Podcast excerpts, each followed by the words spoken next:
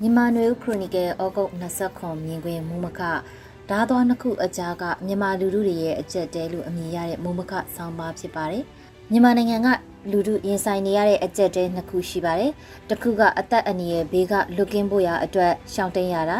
ဇဝတ်နေရေးအတွက်ပဲဖြစ်ဖြစ်လူမှုရေးမိသားစုအရေးကိစ္စပဲဖြစ်ဖြစ်ခီးသွားလာရမှာလက်နက်အန္တရာယ် ဖန်စီတက်ဖြတ်ခံရနိုင်တဲ့အန္တရာယ်လူရက်တက်ဖြတ်ခံရနိုင်တဲ့အန္တရာယ်တွေကိုသတိပြုရတာတွေဖြစ်ပြီးဒုတိယအနေနဲ့စောစောကရည်ညွှန်းတဲ့အသက်အန္တရာယ်ဘေးဖြစ်တဲ့သေဘေးကိုလွတ်ကင်းအောင်ရှောင်တိန်နိုင်တဲ့နောက်မှာအသက်ရှင်တန်နေထိုင်ရေးစာရေးအတွက်လုံပန်းကြရ တနေ့တနေ့တိတိတတ်တာမြင့်တက်လာတဲ့ဈေးနှုန်းတွေကနေမိသားစုကိုကျွေးမွေးနိုင်အောင်ရုန်းကန်နေကြရတဲ့ရှင်တန်နေရေးဆိုတဲ့ဓာတ်သွားတစ်ခုကြံနေသေးတာဖြစ်ပါတယ်။တချို့ဒေသတွေမှာဓာတ်သွားနှစ်ခုစလုံးဖြစ်တဲ့သေဘေးရောရှင်တန်နေရေးပါတပြိုင်နက်တည်းရင်ဆိုင်နေကြရသူတွေလည်းအများအပြားရှိပြီးအချို့သောဒေသတွေမှာတော့သေဘေးကပထမရှင်တန်နေရေးကဒုတိယဓာတ်အဖြစ်နဲ့ရင်ဆိုင်ကြော်ဖြတ်နေကြရတာတွေ့ရပါတယ်။ စစ်ဘေးရှောင်တိန်းတဲ့ချီရှိသလိုစကိုင်းလိုကရားပြည်နယ်လိုမကွေးတိုင်းမြောက်ပိုင်းချင်းပြည်နယ်လိုဒေသတွေကလူလူတွေအဖို့တေဘေးရောရှင်တန်နေရေးဓာတ်သွားနှစ်ခုစလုံးကိုတပြိုင်နက်တည်းရင်ဆိုင်ကြုံတွေ့နေကြရသူတွေဖြစ်ပါတယ်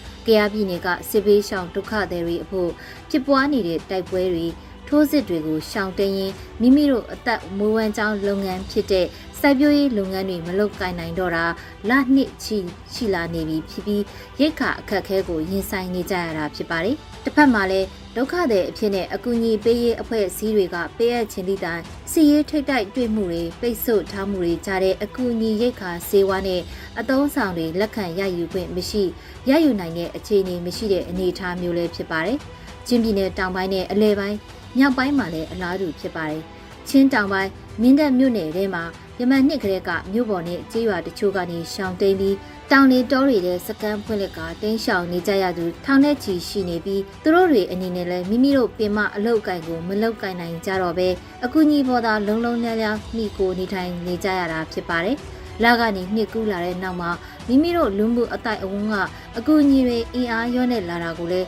ကြုံကြရတာဖြစ်ပါတယ်။ ဒုက္ခတဲ့ပြဿနာတစ်ခုတည်းကိုရင်ဆိုင်ဖြေရှင်းနေကြရတာမဟုတ်ပဲတစ်ဖက်မှာလည်းလူမှုအတိုင်းအဝန်းအနေနဲ့လက်နက်ကင်အဖွဲ့အစည်းတွေကိုပါထောက်ပံ့ပေးနေကြရတာမို့အချိန်ကြာလာတာနဲ့အမျှအင်အားလျော့နေလာတဲ့သဘောလေးဖြစ်ပါတယ်။ချင်းပြည်နယ်ပြီးနောက်စကိုင်းတိုင်းတစ်ခုလုံးနှီးပါနဲ့မကွေးတိုင်းမြောက်ပိုင်း ပခုတ်ကူမြိုင်ကံကောကလေးစတဲ့ဒေသတွေမှာဒုက္ခတဲ့စခန်းရဲလို့တည်တတ်မရှိပေမဲ့မကြာခဏဖြစ်ပွားနေတဲ့တိုက်ပွဲတွေနေအိမ်မီးရှို့မှုတွေပျက်စီးမှုတွေကြောင့်အသက်ဘေးရောရှင်တန်ရေးပါတပြိုင်နက်တည်းရင်ဆိုင်နေကြရတာဖြစ်ပါတယ်။ ဒီလိုကျေးလက်တွေကပြည်သူတွေအဖို့တေဘေးနဲ့ရှင်တန်ရေးဓားသွားနှစ်ခုအကြားမှာရုန်းကန်နေကြရခြင်းမြို့ပေါ်ကလူအများစုအနေနဲ့ကရှင်တန်ရေးအတွက်ခက်ခက်ခဲခဲရုန်းကန်ရှင်တန်နေကြရတာဖြစ်ပါတယ်။အခုသတင်းပတ်တွေအတွင်းစံတွေဈေးနှုန်းမြင့်တက်လာတာ စောင်းစီဈေးနှုန်းမကြုံဘူးလောက်အောင်မြင့်တက်လာတာလောင်စာစီဈေးစံချိန်ချင်းမြင့်တက်ပြီးလမ်းစည်းကားကားတွေကုန်ပစ္စည်းပို့ဆောင်ကားတွေမြင့်တက်လာတာတွေကိုတပြိုင်တည်းကြုံတွေ့နေကြရပြီး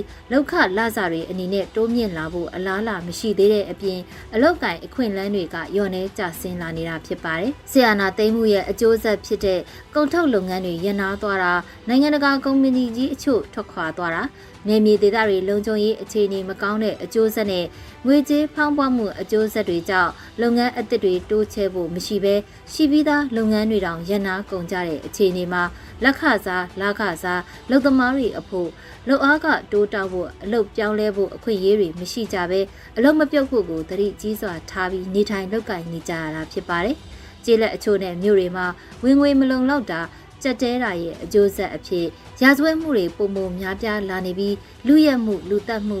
ခိုးမှုဓမြတိုက်မှုတွေနေ့စဉ်လိုလိုဖြစ်ပွားနေတာလည်းဖြစ်ပါတယ်။ဆွဲကြိုးဖြတ်ပြေးတာမျိုးလိုလူရက်မှုအသေးစားတွေမှအစ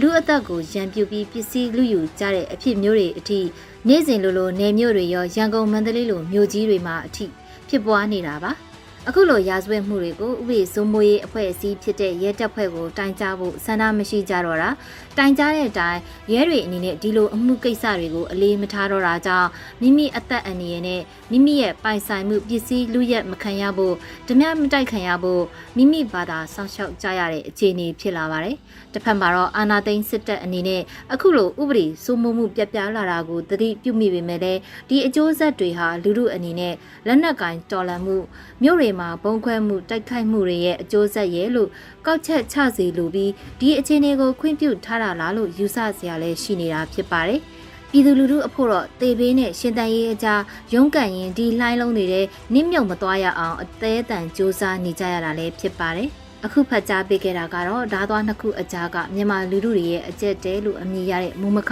ဆောင်းပါဖြစ်ပါတယ်။ကျမຫນွေဦးလေးပြပါ။